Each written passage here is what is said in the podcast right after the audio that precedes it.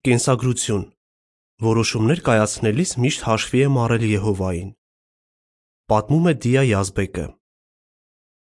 1984 թվականն էր։ Ապրում էինք Վենեսուելայի մայրաքաղաք Կարակասի հարուստ թաղամասերից մեկում։ Մի արևոտ օր առավոտյան աշխատանքի գնալիս մտածում էի դիտարանի հոդվածներից մեկի շուրջ, որը նոր էինք քննարկել։ Հոդվածն այն մասին էր, թե մենք ինչ անուն ունենք շրջապատի մարդկանց մոտ։ Նայում էի մեր թաղամասի տներին ու մտածում. հարևաններիս համար ես պարզապես հաջողակ բանկիր եմ, թե Աստծո ծառա, ով աշխատում է բանկում, որ เป զի հոգ տանի իր ընտանիքի մասին։ Պատասխանը ինձ համար ակնհայտ էր, բայց դա այն չէր, ինչ կուզեի լսել։ Ոստի որոշեցի փոփոխություններ անել կյանքում։ Ծնվել եմ 1940 թվականի մայիսի 19-ին Լիբանանի Ամիուն քաղաքում։ Դրանից մի քանի տարի անց ընտանիքով տեղափոխվեցինք Տրիպոլի։ Մեծացել եմ այնպիսի ընտանիքում, որտեղ միշտ ջերմ եւ ուրախ մթնոլորտ էր տիրում։ Ծնողներս Եհովայի նվիրված սարաներ էին։ Մենք 5 երեխա էինք՝ 3 աղջիկ ու 2 տղա։ Ես ամենափոքրն էի։ Ծնողներիս համար գումար վաստակելը ամենակարևոր բանը չէր։ Մեր կյանքը պատտվում էր Աստվածաշնչի ուսումնասիրության, ժողովի հանդիպումների եւ մարդկանց Աստծո մասին պատմելու շուրջ։ Մեր ժողովում մի քանի օծյալ քրիստոնյաներ կային։ Նրանցից մեկը Միշել Աբուտն էր, ով անցկացնում էր գրքի ուսումնասիրության հանդիպումը։ Միշելը ճշմարտությունն իմացել էր Նյու Յորքում եւ 1920-ականների սկզբներին այն բերել Լիբանան։ Ինձ շատ էր տպավորում այն, թե ինչ հարգալից ու հոգատար էր նա երկու երիտասարդ քույրերի՝ Էն եւ Գվեն Բիվորների նկատմամբ։ Նրանք գաղատ դպրոցի շրջանավարտներ էին եւ հետագայում մեր մտերիմ ընկերները դարձան։ Տասնամյակներ անց Էնին հանդիպեցի Միացյալ Նահանգներում։ Հիշում եմ, շատ էի ուրախացել։ Դրանից որոշ ժամանակ անց հանդիպեցի նաև Գվենին։ Նա ամուսնացել էր Ուիլֆրեդ Գուչի հետ, եւ նրանք միասին ծառայում էին Լոնդոնում, Անգլիայի մասնաճյուղում։ Քարոզում ենք Լիբանանում։ Երբ ես պատանի էի, Լիբանանում քիչ վկաներ կային։ Չնայած դրան, մենք երանդորեն պատմում էինք մարդկանց այն ամենը, ինչ սովորել էինք Աստվածաշնչից։ Ու թեև որոշ կրոնական առաջնորդներ հալածում էին մեզ, մենք շարունակում էինք քարոզել։ Պատմեմ մի քանի դեպք, որոնք դաջվել են հիշողությանս մեջ։ Մի օր ես ու քույրս Սանան քարոզում էինք մի բնակելի շենքում։ Երբ հարկերից մեկում զրուցում էինք բնակիչների հետ, մի քահանա մոտեցավ մեզ։ Երևի մեկը կանչել էր նրան։ Նա սկսեց վիրավորել քրոջս, հարձակվեց նրա վրա ու հրեց նրան աստիճաններից ներքև։ Սանան որոշ վնասվածքներ ստացավ։ Այդ ընթացքում ինչ որ մեկը հավանաբար զանգահարել էր ոստիկանություն։ Երբ ոստիկանները եկան, հոգ տարան, որ Սանային օգնություն ցուցաբերվի։ Նրանք քահանային տարան ոստիկանություն եւ պարզվեց, որ նա իր մոտ ատրճանակ ուներ։ Ոստիկանապետը նրան հարցրեց. Հիմա դու ով ես։ Հոգևոր առաջնորդ, թե բանդայի պարագլուխ։ Մի անգամ էլ ժողովով ավտոբուս էինք վարձել, որ քարոզեինք մի մեկուսի քաղաքում։ Մենք վայելում էինք մեր ծառայությունը, ինչեւ որ տեղի քահանան իմացավ մեր մասին։ Նա մի խումբ մարդկանց հետ եկավ, որ เป զի վռնդի մեզ քաղաքից։ Նրանք սկսեցին քարեր շպրտել մեզ վրա։ Հիշում եմ, հորս դեմքը լրիվ արյունոտվել էր։ Նա մորս հետ վերադարձավ ավտոբուս, մենք էլ մտահոգ հետևեցինք նրանց։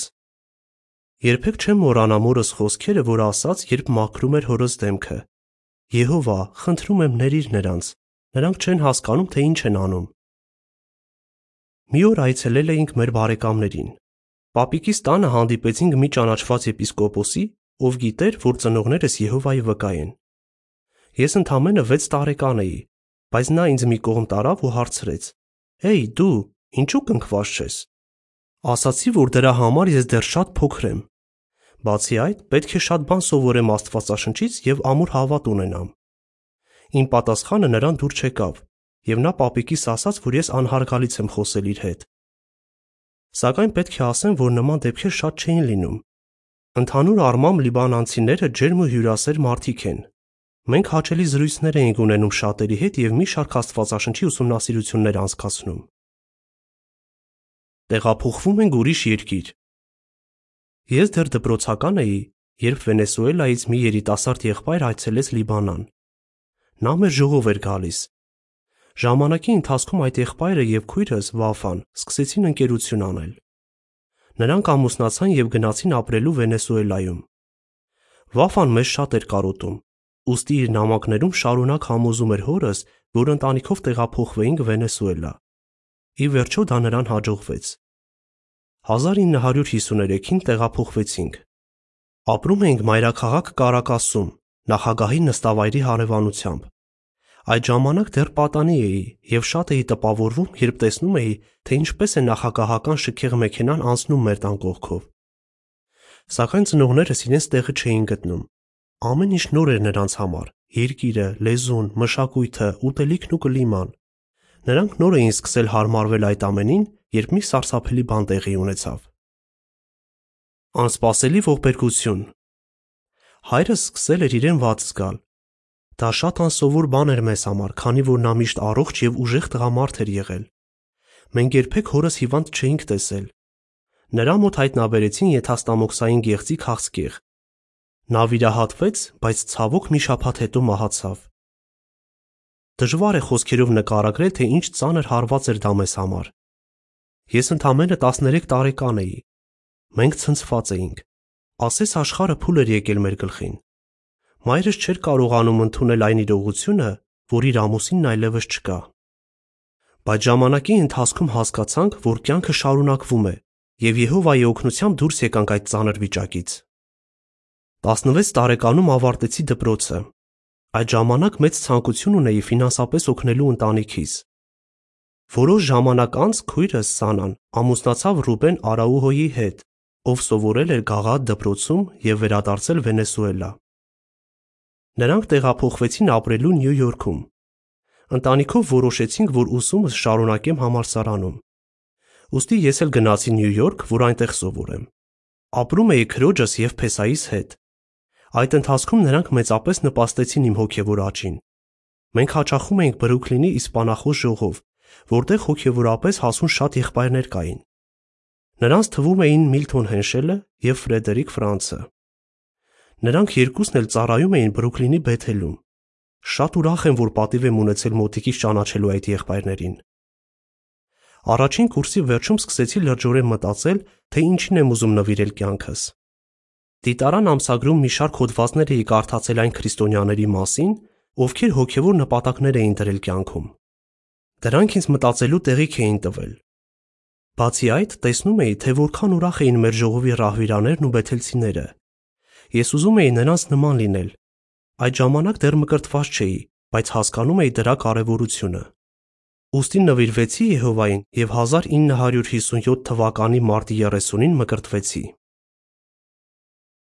Կարևոր որոշումներ եմ կայացնում։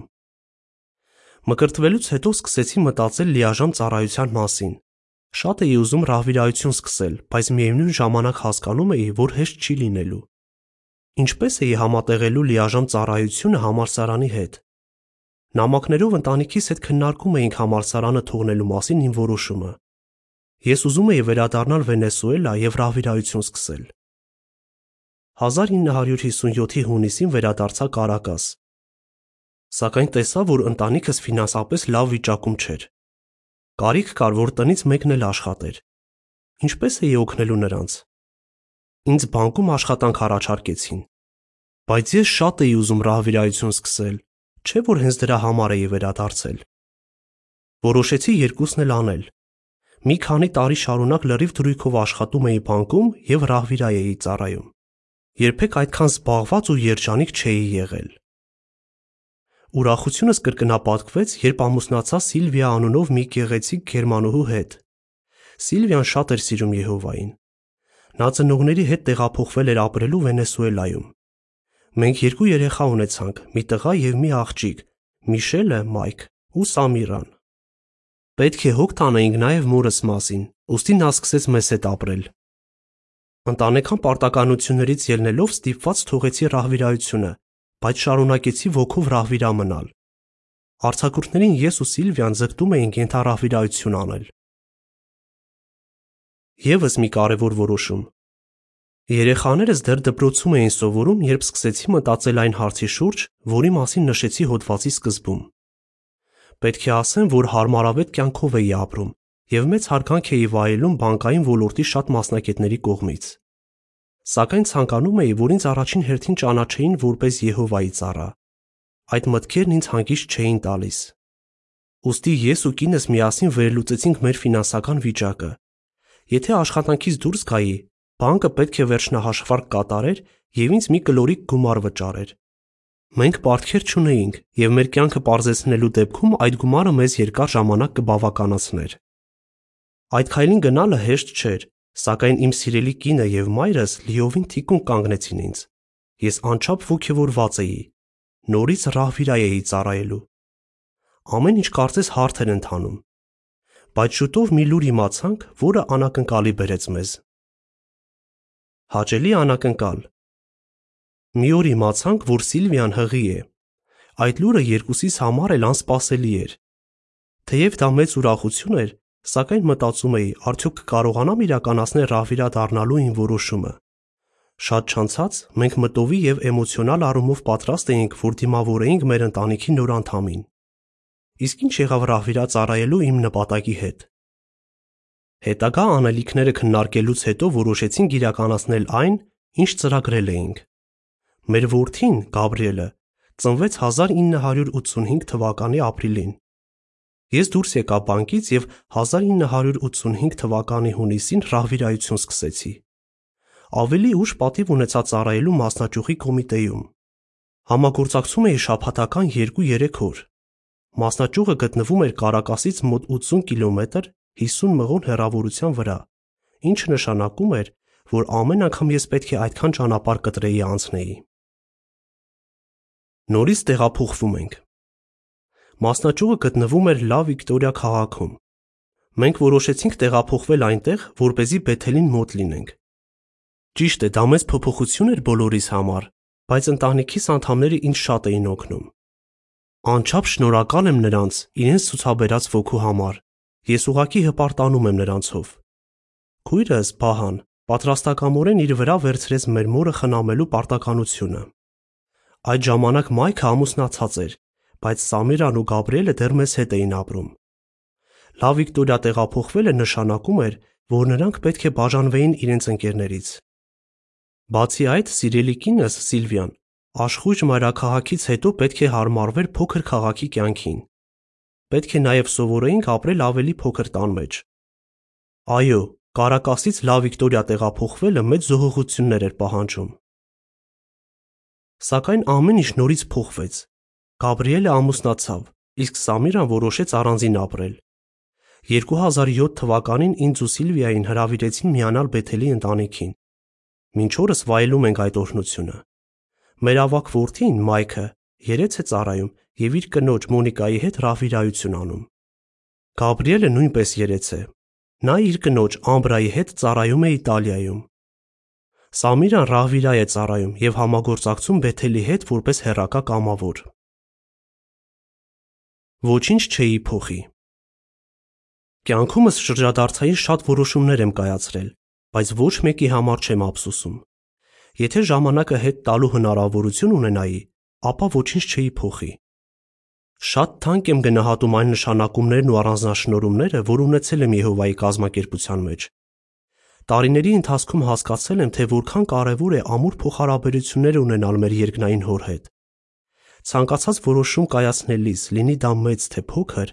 նա կարող է տալ այնպիսի խաղաղություն, որը գերազանցում է ամեն միտք։ Ֆիլիպեցիներ 4:6 եւ 7 Ես ու Սիլվիան մեծ ուրախություն ենք ստանում Բեթելի ծառայությունից։ Եհովան մեզ շատ է օրհնել, քանի որ որոշումներ կայացնելիս միշտ հաշվի ենք առել նրան։ Հոդվացի ավարտ